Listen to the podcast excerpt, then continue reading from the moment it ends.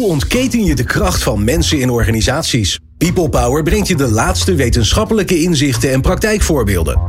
Over leiderschap en leren. Betrokkenheid en bevlogenheid. Inzetbaarheid en inclusie. Omdat mensen het verschil maken in jouw organisatie. People Power met Glenn van der Burg. Ja, het is tijd voor een nieuwe aflevering van People Power Hot Topic, waarin we elke maand brandende thema's binnen organisaties behandelen.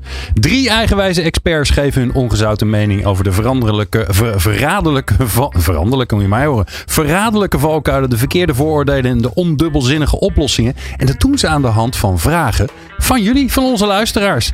Dus als jij nou zelf een vraag hebt, laat het ons weten. Dat kan natuurlijk via al onze social media kanalen, maar je kunt ook gewoon ouderwets een mailtje sturen naar info@people power.nl. En het panel van deze aflevering, en daar zijn we natuurlijk bijzonder blij mee, bestaat uit Aukje Nauta, auteur, adviseur en bijzonder hoogleraar aan de Universiteit Leiden.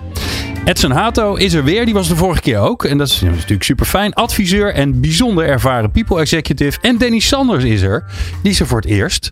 Dus het is zijn maiden voyage, zoals dat zo mooi heet. Uh, Inclusie-expert en oprichter van de Inclusion Studio. En wij zijn natuurlijk bijzonder blij dat jij er bent en dat je weer luistert naar People Power. People Power met van den Burg. Zo, fijn dat jullie er allemaal zijn. Dankjewel. Een heerlijke potpourri aan mensen die uh, verstand hebben van heel veel. En toch uh, ja, genoeg overlap, maar genoeg verschil, denk ik.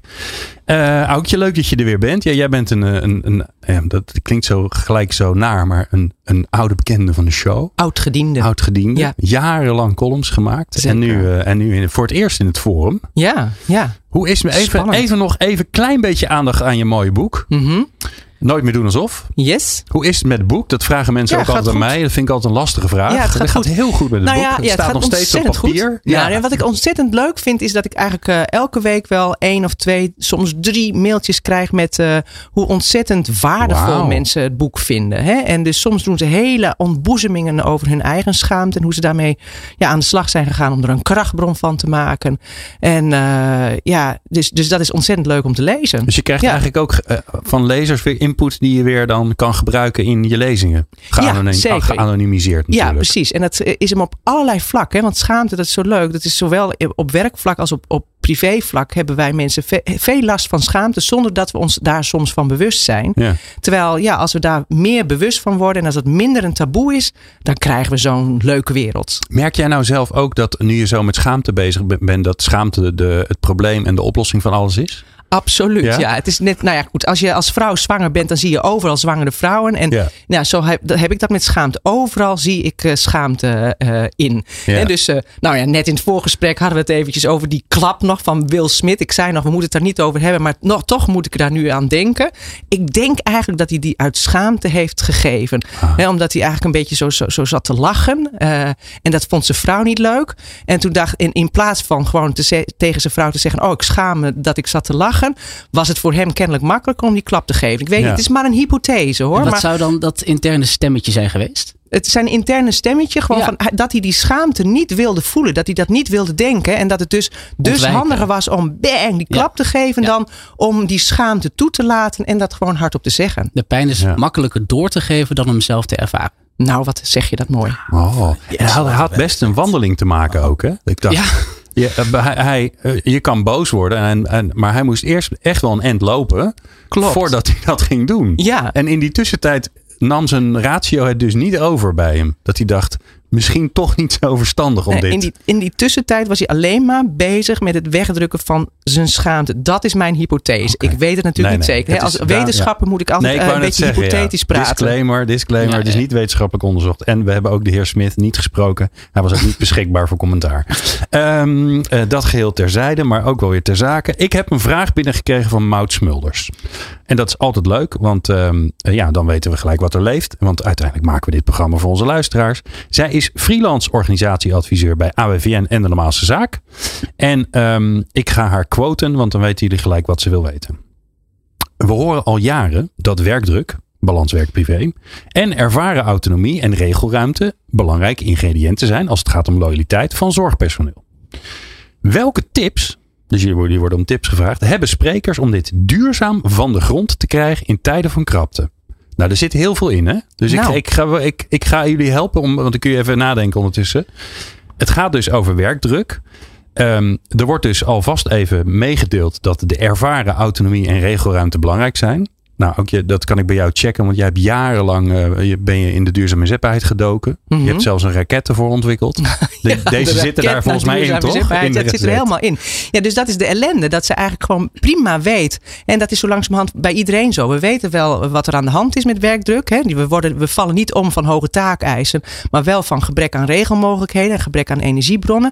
En toch krijgen we het niet voor elkaar in de zorg. Nou, ja, maar even wachten, jij zegt dus, werkdruk is niet omdat je het druk hebt, maar dat is de druk die je voelt door je werk. Nou ja, eh, werkdruk op zich is niet erg. Maar je krijgt pas stress ervan als je eh, gebrek hebt aan autonomie, gebrek aan sociale steun.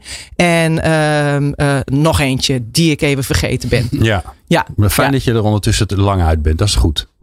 Je, je werd goed afgekikt. Ja. Ja, nou ja, maar aan- te- tegelijkertijd ben ik nog steeds heel erg bezig met dit thema. Eh, en dat is een thema waar wij het ook al vaker over he- hebben gehad. Dat is namelijk energie. En, en ik denk dat als je energie krijgt van, van je werk, dat is natuurlijk eigenlijk het tegenovergestelde van stress en, en, en de ervaren druk. En ik denk dat we met z'n allen nog te weinig nadenken over van waar lekt de energie nu weg. Ja, en dan zeg ik toch weer schaamte. Hè, want eh, eh, ja, ja. Dat als je, nee, maar ja. als, Ja. als, je, als je in situaties zit die, die gewoon niet prettig zijn, je voelt je niet competent, hè, je bent niet helemaal op de werkvloer die je graag wilt zijn, dan ervaar je schaamte. En als je daar Ah. niet open over kunt praten, dan kan je het ook niet oplossen. En als je het niet kunt oplossen, dan heb je geen energie meer. Ja, mijn gedachte ging eigenlijk in de richting van het eh, aangeven waar je dan behoefte aan hebt. Klopt. Ja, precies. En, dat dat En is daar zou dan weer een component van schaamte in zitten om dat niet te doen. Ja, hè, want wat, waar ook veel over geschreven wordt, is psychologische veiligheid op het werk. Hè? ook Psychologische veiligheid, ja, dat is, dat is dan weer zo'n term hè, wa- waardoor je je durft uit te spreken. Wat betekent psycholo- psychologische veiligheid? Ja, goede vraag. Dat, dat, dat is dat, nou ja, eh, dat is dat je je veilig voelt. Hè? Dat je het idee hebt dat, dat, je, eh, dat er vertrouwen is. En dat je je kwetsbaar kunt opstellen. En kwetsbaar opstellen, dat heeft natuurlijk ook vaak te maken met schaamte. Van ik kan iets niet of ik weet iets niet. En durf je dat eigenlijk wel te zeggen? Nou, in heel veel omgevingen is dat niet het geval. Ik weet bijvoorbeeld van een collega van mij, die is. eh, eh, nou ja, ho- hoogleraar en, en die voert veel eh, van die functioneringsgesprekken, jaargesprekken. En hij zei: Het duurt zo lang voordat mijn medewerkers, vooral PhD-students, durven te zeggen: Ik kan dit niet. Of ik vind het eng. Want wat ze riskeren is. Ja, eh, ja, gebrek aan promotie, geen vaste niet- baan. niet en in de wetenschap zijn. zijn natuurlijk heel Ja. veel tijdelijke Ja. banen. Ja. En er is ook net weer een onderzoek verschenen van, eh, over, aan de Universiteit Tilburg. eh, waaruit blijkt dat mensen hun psychische problemen op het werk niet bespreekbaar durven te maken. Hè?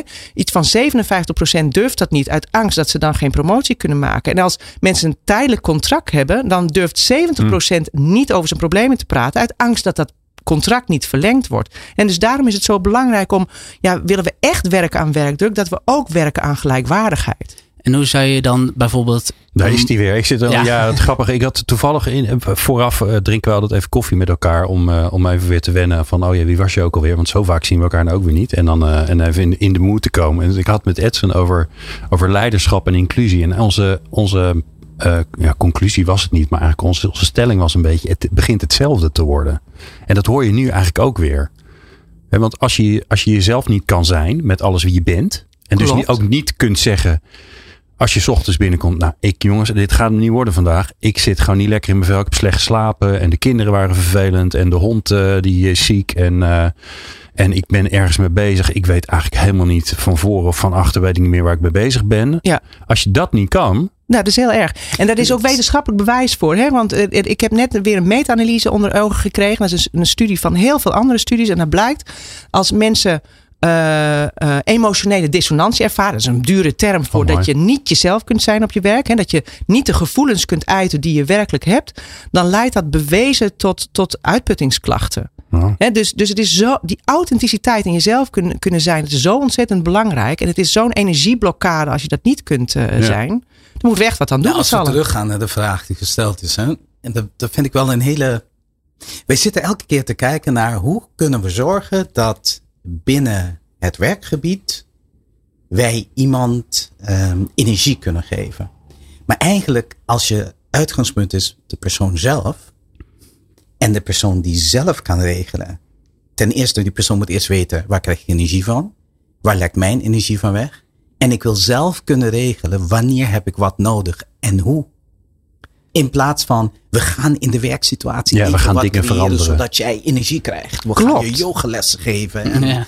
We gaan jou regelruimte geven. Misschien wil die persoon helemaal geen regelruimte. Die wil kunnen beslissen. Vandaag wil ik niet eh, gaan werken. Ja, En ik wil iets anders gaan doen. Want daar geef ik, kijk je niet. Dat die persoon dat zelf kan beslissen. Ja, het gaat altijd om een match. Hè? Je, je kan niet v- van, voor iedereen opleggen van, ja, jij hebt behoefte aan een coach. De een heeft dat en de ander die wil gewoon feedback Precies. of weet ik veel wat. Ja, En dus je moet continu met je mensen in gesprek zijn over wat ze eigenlijk nodig hebben. Het is allemaal zo simpel. Dus ik begrijp niet waarom we dat niet Maar doen. eigenlijk is dit dus de eerste tip voor Mout. Ehm, ga vooral niet dingen doen voor iedereen. Want Nee. dan doe je het voor een paar goed en voor de meesten niet. Klopt. Precies. Ja. Dus dat is een mooie eerste tip. Ja, Ja. Mooi. Ja, heel mooi, Glenn. Ja. Nou ja, jullie hebben het gezegd. Ik vat alleen En zet, samen. en zet de individu centraal. Ja. Want als je van de organisatie uitgaat. En vanuit zo'n perspectief gaat kijken naar. Nou, dan, dan denk ik niet dat je gaat komen. En hoor ik jullie dan ook zeggen, eigenlijk, als je de individu centraal gaat zetten, dan komt gelijk de leidinggevende om de hoek kijken. Ja, maar ik Want zou die, zo eh, langzamerhand die ook zeggen. Doe, doe dan het hele team. La- Laat het hele team om de hoek Oh. kijken. Hè? En dat zeg ik ook vaak als. Ik word vo- momenteel heel veel om advies gevraagd over eh, hoe moeten we straks weer naar, terug naar kantoor. En dan is mijn standaard antwoord ook: ga met je team om tafel. En bespreek met elkaar van hoeveel willen we thuiswerken, hoeveel op kantoor, wat hebben we dan nodig, welke omgangsvormen willen we voortaan altijd anders doen. En als je met het team afspraken maakt, ja, dan sla je zoveel vliegen in één klap. Want dan hoeft de baas niet meer de baas te zijn. Eh, je, je leert elkaar kennen. En ja, wat voor de een een lust is, is voor de ander een last. Dus je kunt ook veel meer maatwerkafspraken maken over hoe je het werk op een slimme en leuke en energiegevende manier verdeelt. Ja. Ik zeg altijd, Maar- kijk naar het team, vergeet de individu niet. Hè? Want het normatieve komt ook heel erg van, nou de hele team wil het zo, dan hou ik maar mijn mond dicht. Dus daar heeft de leidinggevende een voorname rol in. En om ervoor te zorgen dat ieder individu toch dat doet wat voor hun werkt. En dat de teamcohesie ook nog in stand blijft. Ja, en en. En en, het is Ja. beide. Ja, Ja. Daarom is die psychologische veiligheid zo eh, belangrijk. Want in een, als je eh, in een psychologisch veilige omgeving durf je ook continu als individu de normen eh, ter de discussie, Ter discussie te te stellen. want als, als, Ja. normen, als dat niet gebeurt, dan krijg je normverschuiving en dan krijg je tunnelvisie. En, en dan wordt het allemaal heel akelig en, en beklemmend. En we zijn een normatief land, hè? We houden van normen. Ja, Ja, zo, ja. do- zo doen we Ja, dat. doe maar normaal. Ja. Ja, normaal dat doe je, goed, dat doe je gek genoeg, hè? Ja. Ja, dat Nou ja, we wat- fantastisch. Wat, ik nog zou willen toevoegen aan, aan de, de psychologische veiligheid. is ik zou dat eigenlijk zelf altijd omschrijven als ehm, nou, de onveiligheid in ieder geval dat je niet gemarginaliseerd wil worden. Hè, dus eh, als ik misschien een keertje een fout maak, dan ben ik vanaf nu af aan niet meer te eh, betrouwen. Of, eh, hè? Eh, ja, daar zou ik hem ook eigenlijk in zoeken. Ja, ja, ja, is een hele goeie. Mooi. God, een hoop tips al voor Mout. Ik, ik, ja, ik, hou, ik hou denk, pen en papier erbij hoor. Ja, ik denk dat, eh, ja, dat vind ik altijd interessant. Hè, dat, eh, je bent op zoek naar een soort van, eh, doe dit en dan komt alles komt goed. Maar dat, dat komt ook vaak genoeg langs in dit programma dat we dan zeggen, helaas, Ja. zo werkt het niet. Mhm. Eh, behalve met liefde, want dan komt alles goed. Met liefde Maar ja. komt alles goed. Ja, maar en, en, en, en met liefde zou ik ook eigenlijk gewoon rechtstreeks dan willen- met Maud willen praten. Want ja, Ja, ook om, omdat u- wij kunnen haar wel ook weer van, van buitenaf allemaal tips geven. Maar ja, misschien komen die bij haar wel niet, eh, helemaal niet binnen. Dus ik zou zeggen, Maud, praat ook eventjes met je buddies om je heen. Ja, en vraag het. En, eh, want die kunnen dan eerst. Dat, is ook, dat, dat hoor ik jullie ook vaak zeggen. Dat is, het, leuke is dat we vragen van luisteraars hebben. Het nadeel is, we kunnen niet doorvragen wat er nou eigenlijk aan de hand is. Want dat is natuurlijk wat je normaal doet. Ehm, we gaan zo eh, op naar de volgende vraag. Want eh, ik vind het nog steeds heel erg leuk. En ondertussen ga ik even aan ons panel vragen of zij het ook nog leuk vinden. Je moet altijd zorgen dat je, dat je namelijk een, een psychologisch veilige omgeving vormt. En dat doe je ook door gewoon voor, te vragen naar wat vind je er eigenlijk van en hoe vind je het hier en eh, heb je het nog naar je zin? Een beetje saai, vind vind, je me ik nog het wel. lief? Vind je het een beetje Ja, een saai? beetje saai. Dus we moeten, we moeten meer, Meer ruzie maken. Of meer ruzie. grapjes? Of, eh, oh, oké. nou, daar gaan we wat aan doen en dat hoor je zo. Betere prestaties en gelukkige mensen. People Power. Aukje Nauta, Edson Hato en eh, Danny Sanders in de studio. En we praten eh, over de vragen die gesteld worden door onze luisteraars. Nou, via LinkedIn, want daar hebben we ook een oproep geplaatst van stuur je vragen. Dus bij deze nog een keertje ook eh, natuurlijk in deze aflevering. Als je vragen hebt, dan kun je die via LinkedIn laten weten. Je kunt me messagen. Je kan via de WhatsApp-service reageren. Je kan eh, maar e-mailen, ouderwets info at people-power.nl. En Ashley Wade heeft een vraag gesteld. Zij is organisatieadviseur van de Lean Consultancy Group. Doen vast iets met Lean. Kan bijna niet anders. anders zou ik het een rare naam vinden. Ehm, en zij zegt: Ik heb een vraag op het gebied van inclusie. Welke organisatiepatronen heb je mee te maken gehad in je opdrachten? Ze vraagt het eigenlijk aan Danny, maar dus aan iedereen. Uh, als je aan de slag gaat met het vergroten van inclusiviteit. Nou, heb ik al zo'n voorgevoel dat jullie zoiets hebben van wat precies een organisatiepatroon? Maar dan gaan we dan maar gezellig, gezellig zelf een beetje invulling aan geven. Danny, mag jij beginnen? Want hij is rechtstreeks aan jou gesteld. Ja, uh, de, poeh, ik denk dus dat het hier eigenlijk over het algemeen heb je te maken met de vergissingen. Hè? Uh, de, uh, als eerste zie ik altijd een vergissing in um, de inschatting over hoe, uh, wat het eigenlijk behelst om te werken aan inclusie en diversiteit op de werkvloer. Heel vaak uh, begint het met een goede bedoeling die klinkt als, nou, we zijn voor vrijheid, en we zijn voor gelijkheid. En dan zeggen we allemaal hoera, confetti. Ja. Fantastisch. Ja, staat ook in de grondwet. Uh, grondwet hè? Dus als, nou ja, je daar niet, als je daar tegen bent, heb je een probleem, volgens mij. Ja, precies. Maar het, het punt is, uh, dat zelfs ook al staat in de grondwet, het zijn twee concepten die elkaar bijten. En dat, dat vergeten mensen.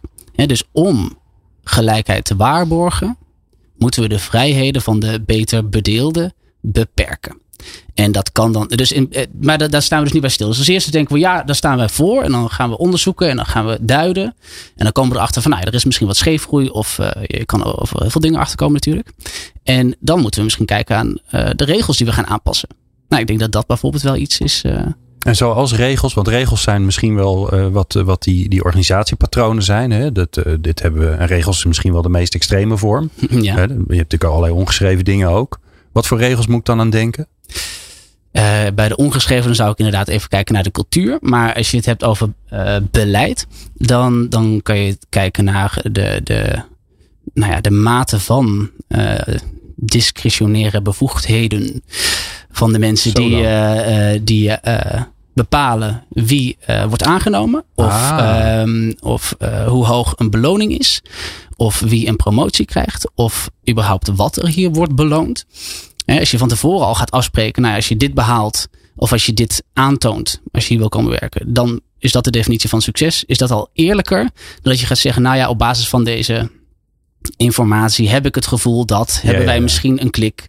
Ja, oh, de, ja, klik. ja, ja. de klik. Ja. Uh, de klik, precies. Dus uh, uh, ja, dat is een voorbeeld daarvan. Maar kunnen, kunnen we teruggaan naar wat je zei aan het begin? Ik merkte dat ik nog steeds daarbij vastzit. En het raakte me enorm. Hè?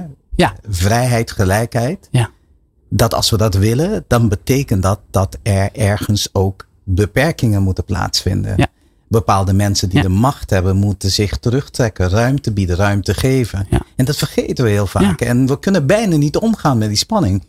We weten nee. niet wat we ermee moeten. Ja, en, de, de, maar dat is een, een, um, een, een, een lastige. Ik, uh, ik zeg altijd dat je. Um, er is een grote, nou ja, ik zeg niet dat uh, research en ik, ik, alles wat ik zeg is uh, ja, uh, op hele sterke schouders gebaseerd waar ik op mag staan. Maar de, er is een, een vergissing tussen dat, dat soevereiniteit hetzelfde zou betekenen als vrijheid. En dat is helemaal niet zo. Nee. Namelijk, soevereiniteit is iets wat je alleen doet en vrij zijn we alleen maar samen. Precies. Hè? Dus uh, het, Zo, ja, ik zie maar, maar, maar, ja, nee, maar ik haak eigenlijk ook nog eventjes aan bij wat je het eerste zei. Hè? Oh. Zo, want, want ik vind het zo, het, het, het, is zo ongezellig als je dingen van mensen moet afpakken. Ja. Kun je ook uh, andere mensen gewoon meer geven? Kun je ook vanuit overvloed denken? Ik weet nog niet precies hoe. Maar het is natuurlijk veel leuker als, als we allemaal meer krijgen. En, en, en als, als we op de, op die manier de boel een beetje gelijker kunnen krijgen. Dan Ja. wanneer je iets moet afpakken. Ja, ik zeg, stom, hè? iedereen mag. Arbeiders zelfbestuur. Is dat niet een idee voor uh, inclusie? God, dat hebben we geprobeerd Ja, maar dat is, dat, is, dat is wel een interessante wat je zegt. Hè? Vanuit, vanuit abundance denken. Wel Ja. fantastisch mooi. Mhm. Maar onze hele leven is ingericht op schaarste. Ah, dat vind ik, dat vind ik Nee, maar jammer. dat is wel waar. Want dat- je hebt een budget en je kan er zoveel salarissen van betalen. Meer gaat er Ja, maar dat hebben we met z'n allemaal Um, bedacht. Ik Ja, bedoel, maar- geld is maar ook maar een dus. uitvinding. Dus, maar dat bedoel ik dus. Dus we, zijn, we hebben eh, geld is ontstaan uit schaarste. Want alles moet een prijs hebben. En op basis van die prijs is op basis van hoe readily available, hoe ja, maar dan, ben ik er toch heel erg voor om een soort van kindje te zijn. Die bij gewoon alles wat je zegt. Waarom? Wa- waarom hebben we geld? Absoluut. Waarom? eh, want, en dan kunnen we het ook gewoon helemaal anders doen. Absoluut. Maar wat ik, wat ik probeer, waar ik op aanhaak, is op, op het feit van we kunnen wel gaan nadenken van ja, iedereen kan het hebben. Maar onze hele samenleving is ingericht op schaarste. Dus dan wordt het heel moeilijk. Dan, dan, dan ontkom je er niet aan om, om af te pakken. Maar dan zou het toch heel erg gaaf zijn als we, eh, nou ja, denken. Er is ook echt letterlijk toch een boek verschenen over abundance. Hè? Dus dat we echt meer kijken naar van, goh, schaarste brengt zoveel ellende met zich Ja. mee. Eh, het, het zou zo mooi zijn als de machthebbers dan denken van, ik schaam me dat we op basis van schaarste de boel hebben ingedeeld. Kan het ook anders? Hè? En, en welke hacks kunnen we daar eigenlijk allemaal voor verzinnen? En die hebben we eigenlijk ook al in theorie al lang verzonnen. Hè, we hebben het al heel lang over zelfsturende teams. Wat een hele mooie manier is om, om de macht te Ja, kijk, verdelen. maar- Maar laten we eens naar, Ja. naar inclusie gaan dan. Want wat, wat ik Oh zelf. eh, in, in, want ik heb ondertussen wat, eh, wat afleveringen daarover gemaakt. Ehm, wat ik zelf altijd merk, en dat spreek ik altijd uit als we het over hebben. Dat ik zeg: ik merk dat ik op mijn woorden aan het letten ben. Omdat ik het niet verkeerd wil doen. Want dan ga ik me schamen. eh, en dat wil ik niet. Dus ik wil het goed doen. Ehm, en dat heb ik nooit bij een aflevering. Maar dat heb ik wel als het gaat over man, vrouw, eh, LBT, eh, eh, over ehm, eh, kleur. Ah, dan, dan ben ik ineens ben ik op mijn woorden aan het letten. En het grappige was dat iemand zei op een gegeven moment tegen. Ja, en dat is precies wat er moet gebeuren. Want het moet ongemakkelijk worden. Want het ongemak wat nu zeg maar ligt bij mensen die het continu tegen de barrières aanlopen. Dat moet bij iedereen komen te liggen. Klopt. Ja. Dus, dus het is niet. Inclusie is niet een blij. Per Nee. definitie een blij onderwerp. Nee, maar dan moeten we ook nog leren met als je dan per ongeluk een fout maakt, dat je dan niet op een, op een hele agressieve manier wordt. wordt, afgeschoten. En. Een, heel simpel voorbeeld. Ik weet dat ik, nou, ik gaf eens een lezing en daar heb ik een voorbeeld in van Sam Bettens. Eh, hij heette eerst Sarah Bettens.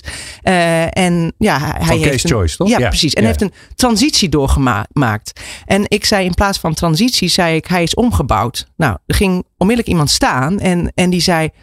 Dat mag je zo niet zeggen. Dus het, en, en ik voelde, nou, ik schaamde me dus ook. Ja, ik voelde meteen vers- kop ja, verschrikkelijk. Van schaamte over je Ja, ja, ja. Dat, ik, dat, dat ik dit niet wist. Hoe kan ik zo dom zijn, weet je? En, eh, en, ja, maar als je dat een beetje op een soort van vrolijke manier zegt. Hè, of je komt achteraf even naar me toe. Dan heb ik wat geleerd. Maar dan voel ik me niet zo beschaamd in een is- hoek gezet. Het is heel interessant dat je dat zegt. Hè? Ehm, Ibrahim Kendi heeft een boek geschreven over how to be an anti-racist. En als zwarte man, zwarte homoseksuele man, loop ik altijd rond met een dubbele bewustzijn. Ik ben zwart, ik ben gay en ik, en ik leef en werk in een witte omgeving. Dus in de corporate wereld. Want daar loop jij rond. Ja. Ik moet continu niet comfortabel zijn. En, en continu letten op mijn woorden. En een witte persoon die plotseling geconfronteerd wordt met het feit dat je moet opletten. En dat we eigenlijk van je verwachten, educate yourself. Is plotseling, oh, benader Ja, me ja, ja. niet zo agressief. Maar, maar nee, neem ons Ik eens vind mee, heel- Edson, ik vind het heel interessant. Hoe, hoe moet jij op je woorden letten? Wat, wat, wat gebeurt er in je brein als je in een, in een, weet ik veel, een vergadering zit of, in een, eh, eh, of een ontmoeting hebt met een potentiële klant, waardoor je denkt, oké, ik moet nu, ik, ik moet door dat ongemak, want ik kan niet echt zijn wie ik normaal ben. nou, je wilt niet eh, te etnisch overkomen. Oké. Ja, En dus, maar let je dan op je op uitspraak? je woorden, algemeen beschaafd Nederlands. eh, je gaat je op een bepaalde manier gedragen. Want eh, je wil niet dat de voordelen getriggerd worden. Het tweede is als, als, als gay man wil je ook niet te verwijfd overkomen of te dit of te dat. Want misschien zicht daar onderliggend allerlei vooroordelen waardoor ze zeggen nou die wil ik niet meer zien. Ehm, dus je gaat continu letten, oké, wat moet ik hier doen om effectief en efficiënt te zijn? maar je moet je de hele tijd dus aanpassen. De, continu. Ja. Je moet continu, en ik weet niet hoe, hoe dat voor jou, maar ik moet dat continu doen. Ja, En- en, en daar- en dit, eh, eh, dit, eh, dit ehm, ja, je vraagt natuurlijk naar woorden hiervoor. Ja. En het punt is dat dit allemaal in kiertjes en gaatjes zit te kruipen, waarbij je niet meer weet waar je compensatiegedrag begint en jij zelf ooit bent geëindigd. Precies. En ehm, het is. Wat zeg je dat mooi? Ja, maar het is, het is een, een, een moeilijk iets. En als je dan gewoon even toch de, naar de, eh, de definitie van inclusie gaat, is dat je zowel jezelf kan zijn, als erbij kan horen tegelijkertijd. En dan heb je natuurlijk weer een moeilijke vervolgvraag van hoe kan je nou, eh, wanneer is het, wanneer blijf je jezelf en wanneer is het ook gezond om je eens een keertje aan te passen? Want we vragen ook aan bijvoorbeeld de, de status quo houders om zich aan te passen. Ehm, maar dat, dat eh, moet je dan toch weer plaatsen in, in die context die ik zojuist zei over vrijheid. Dat dat alleen maar iets kan zijn als we dat samen doen. Dus de, de, de, de vraag van wanneer pas ik me aan, moet je in de context van een samenleving eh, plaatsen. En als ik eventjes op jou eh, in mag gaan. jij, van, van waar, het voelt een beetje negatief toch? Hè, om aan het onderwerp te werken. En we hebben het dan over beperkingen bijna. Ja, de, dat, dat, dat klopt. Eh, en ik denk daar zitten ook juist altijd hele interessante zoektochten en uitdagingen in. Maar we moeten ook vermijden dat we gaan naar het sentiment van ja, maar het moet wel leuk blijven. Want als er dingen niet leuk zijn geweest, dan moet dat gewoon maar benoemd worden. En daarin zeg ik toch altijd: the truth will set you free. Klopt. En Ja. ik denk ook heel vaak dat Mhm. eh, de, de, eh, leuk en niet leuk zijn niet elkaars tegengesteld. Nee, hè? precies. Je kunt met ontzettend veel plezier eh, ruzie maken Ja. over inclusieve onderwerpen. En, en daarom vind ik, dat, maar we moeten veel beter leren ruzie maken en, en in gesprek met maar elkaar hier heb blijven. je de kern denk ik te pakken. Dat denk ik ook. Omdat als, ik, als je het hebt. Nou, ja, nee, nee. Nee, ja, helemaal. niet opscherpen. Ik ben Ja, echt enorm maar gewezen. Er wordt naar je gewezen. Ja, ik, maar ik wijs, ik wijs je aan. De mensen zien het niet. gewezen. Eh, Ga die discussie aan. zei. Ja. Nou ja, en ik, eh, om daar dan nog wat woorden aan toe te voegen. Ik zeg al, diversiteit eh, eh, minus inclusie staat gelijk aan polarisatie. Ja. Ehm, maar die wat gaat diep, dan... die gaat diep. Je moet Ja. even verwerken hoor. Ik, Ja, zal, ja. ik zal een flip over erbij. Ja. Ja, ja, precies. Eh, en, eh, maar dan, wat is dan plus? Hè, eh, de, diversiteit plus inclusie staat volgens mij dus niet gelijk aan alles is dus vrede op aard. Maar dat staat eerder gelijk aan paradox. Eh, omdat eh, je, de, de, de, de polarisatie zegt eerder we moeten kiezen. eh, of een wij zij.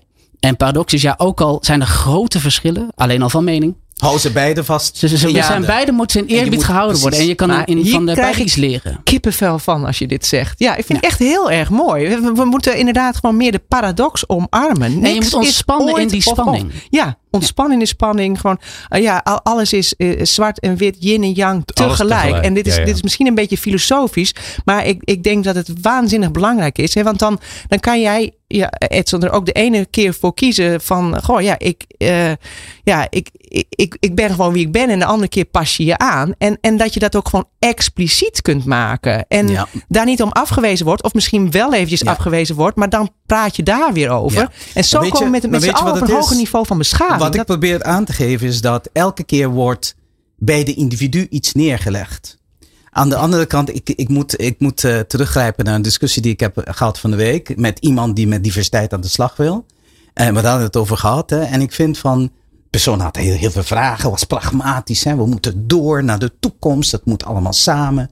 En ik heb een paar vragen gesteld, waardoor die persoon dacht, oh ja, dat weet ik niet. Dat Oh, die een niet, rekensom dat hebben. niet.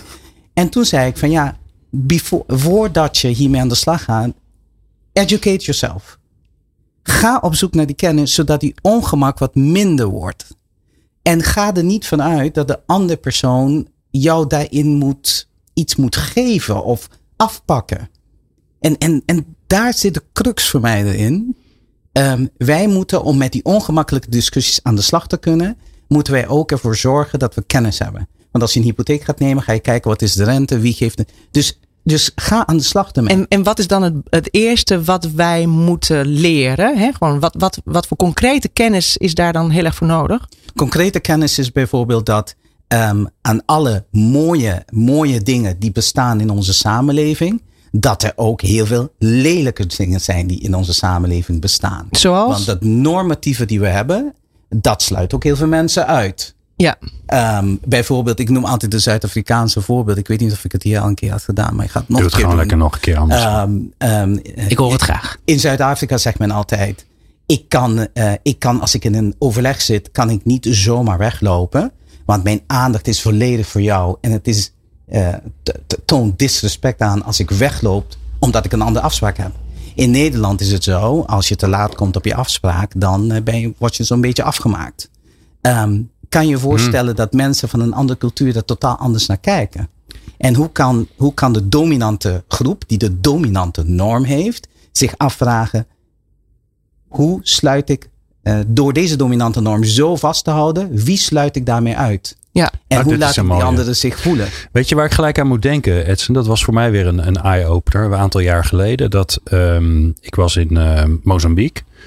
En ehm, eh, in Nederland, hier is het zo. Je geeft elkaar nu weer ondertussen een hand. En die hand is stevig. En in Mozambique doen ze dat dus niet. En dat ik weet niet of het een Afrikaans ding is, maar in ieder geval in Mozambique geven ze je een zachte hand omdat een stevige hand geven is dominantie, is disrespect. En een zachte hand geven is juist respectvol. Terwijl als je dat vertaalt naar hier, dan is een slap handje, dan ben je een beetje, eh, Ja. ja, dan Watje. ben je een beetje een watje. Ja. En het grappige is, je bedoelt met allebei hetzelfde. Alleen het wordt totaal verkeerd geïnterpreteerd. En, En de, dus is het heel erg belangrijk dat je dat gewoon expliciet maakt. ja, Dus van, van wat is in jouw cultuur eh, respectvol en wat is in jouw cultuur respectvol. Dan heb je hele boeiende gesprekken. En dan kun je misschien ook wel nieuwe afspraken maken. Zo van dat het misschien best een goed idee is om overal op tijd te komen. Eh, of eh, dat het best wel een goed idee is dat je echt weg moet, dat je dat gewoon, gewoon zegt.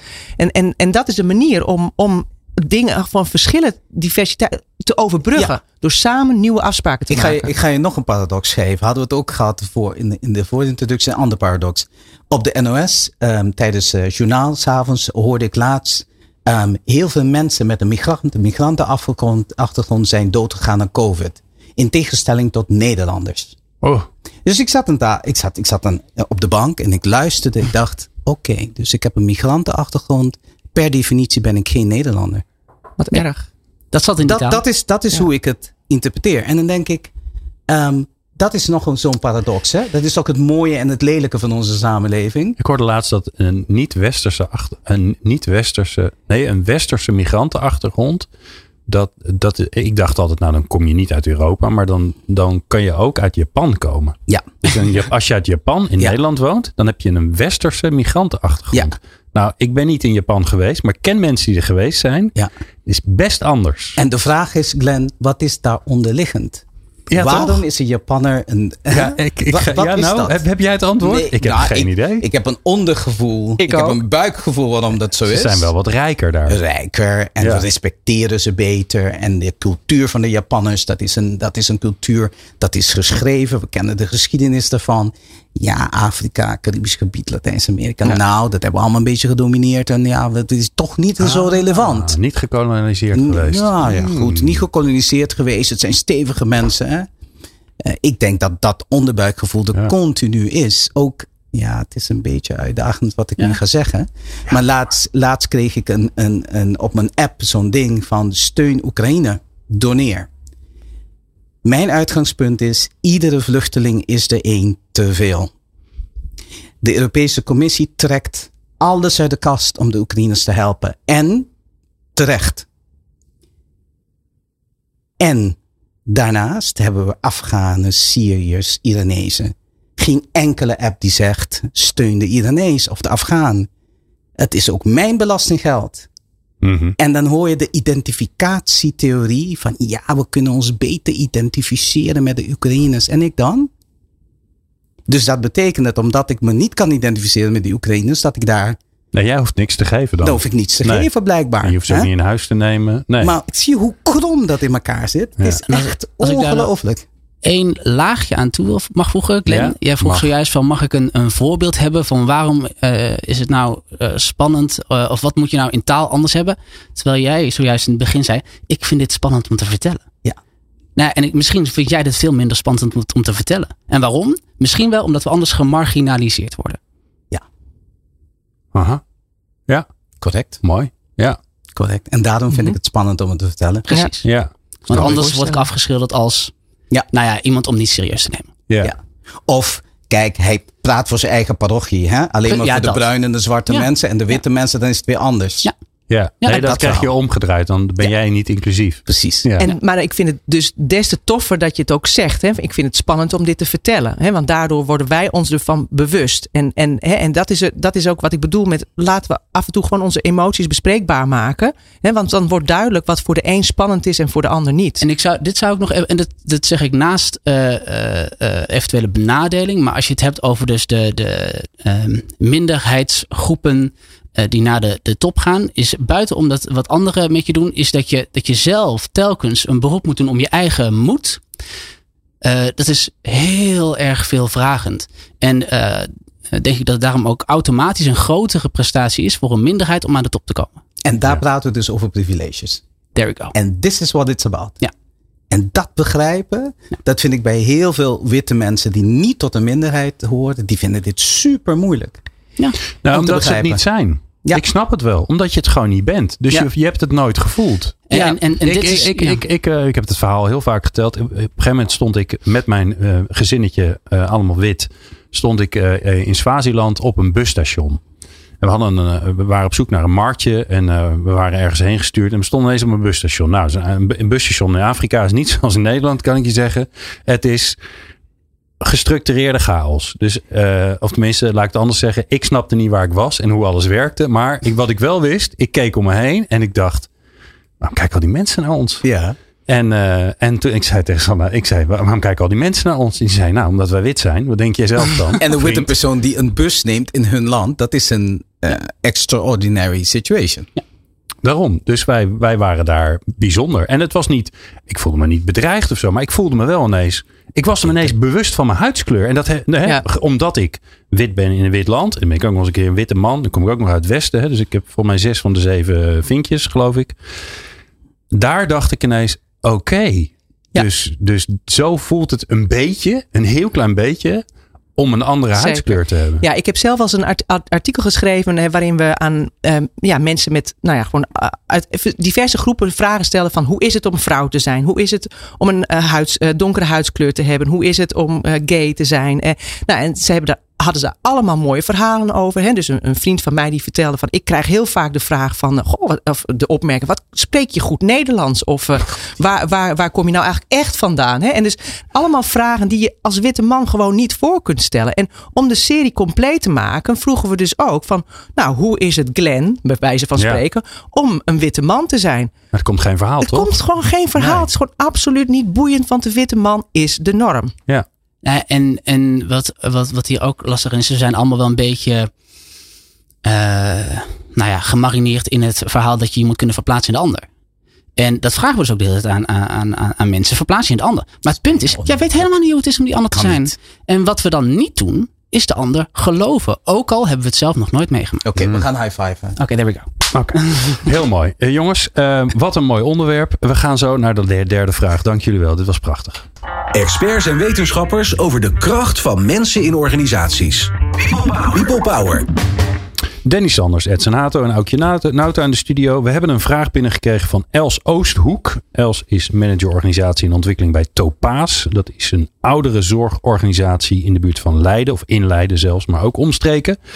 Nou, die heeft een heel mooie relaas getypt. Dus ik ga dat eh, voorlezen uit eigen werk. We hebben sinds kort verpleegkundigen uit andere landen bij ons aan het werk. Dat is omdat ze namelijk in Nederland niet te vinden zijn. Ze komen uit Polen of Spanje. En wie weet binnenkort ook uit Oekraïne. We hebben nu een inwerkprogramma voor ze ingericht, inclusief een sociaal programma met rondleidingen door Leiden. Voorafgaand hebben ze vanuit hun detacheringsbureau een taalcursus gedaan. Ze wonen bij, in onze bed- en baanstudio's, dus bij elkaar in de buurt. En op de werkplek hebben ze een buddy die hen op werk helpt. Op weg helpt.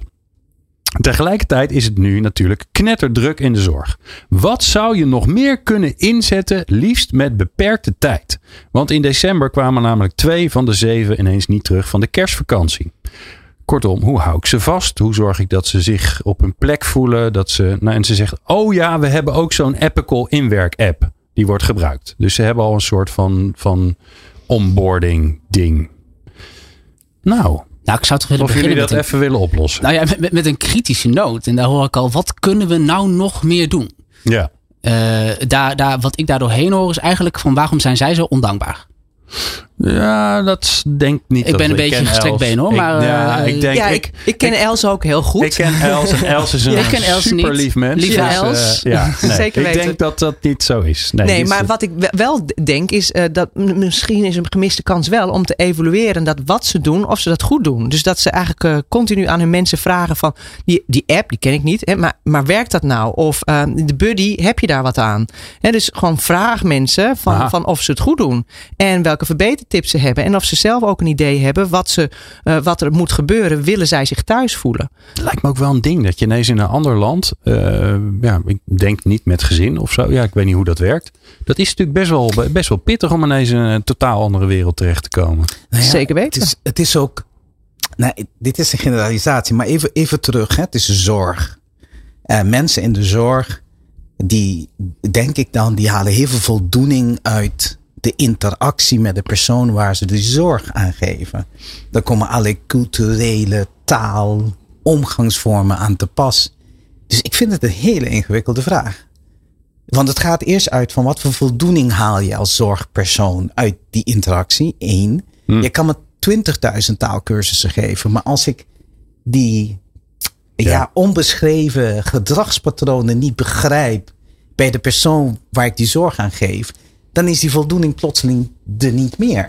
Maar, je, maar, je, Dus ik- maar goed, het is, aan de ene heel- kant is het heel ingewikkeld. Ja, Aan de andere kant is het heel simpel. ja oké. Mensen blijven als ze zich ergens voelen, thuis voelen. Als Ja. ze aandacht krijgen. Alleen, ja, het, het, het ingewikkelde is natuurlijk dat je niet precies weet wat voor soort aandacht zij Precies. nodig hebben. En welke aandacht ze ongemakkelijk vinden en heel erg fijn. Dus daar moet je dan ja, weer over praten. Ja, het is een standaard antwoord, maar het, het is wel heel erg belangrijk. Nou ja, en je- er zit, er zit eh, volgens mij ook best wel een te identificeren kloof tussen wat verwachten wij in het begin en wat is dan uiteindelijk eh, wat er gebeurt. Dus, Ah. dus daar zou ik misschien ook gewoon een beetje naar op zoek gaan. Hoe kan je die dichten? Misschien, hè, zo simpel zou je het ook gewoon kunnen, kunnen bekijken. Ehm, en, en dat moet je inderdaad gewoon in gesprek moet je erachter komen. Ja, want ik ben ook heel erg benieuwd van waarom zijn die twee mensen nu vertrokken? Ze waren ineens weg. Ja, dus maar die weet moet je- Els dan ja. ook eh, wat Waarom de ze niet redenen, meer wat de teruggekomen zijn. Ja. waren? Ja. Het kan zelf ja. ook voor een hele andere reden zijn hoor. Kan ook.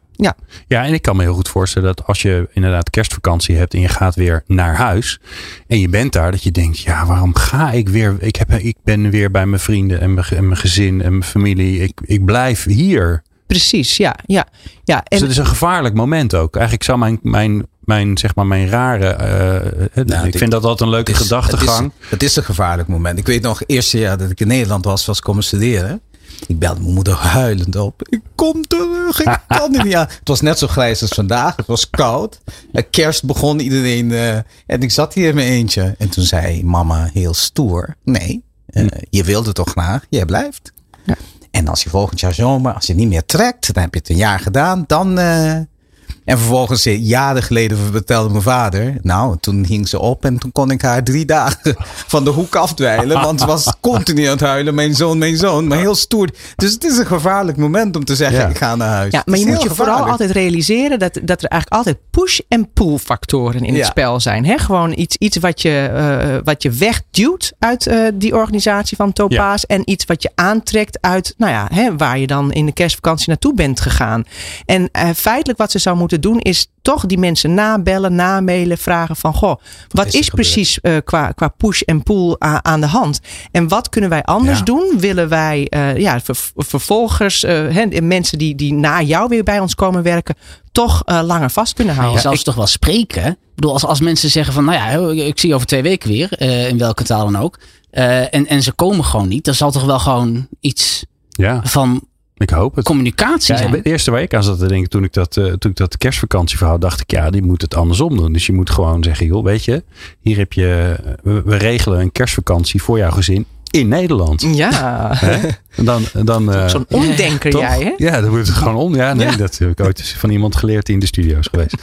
Ehm, eh, maar ja, Ook een dat, oplossing. ja, oké. dus ik hoor jullie zeggen. ehm, kijk wat eh, de, de, de dissatisfiers, hè, wat, wat duwt je weg uit de organisatie. Eh, eh, ga op zoek naar wat de passie is van mensen, wat ze belangrijk vinden in het werk. Waarom Ja. zijn ze überhaupt zo zorgen? Misschien zijn, zij, zijn, zijn mensen wel op een andere manier aan de, aan de zorg begonnen dan dat we in Nederland doen. Weet jij veel? Ja. Ehm, eh, maar dat de rode draad van alles is, je kan van alles verzinnen.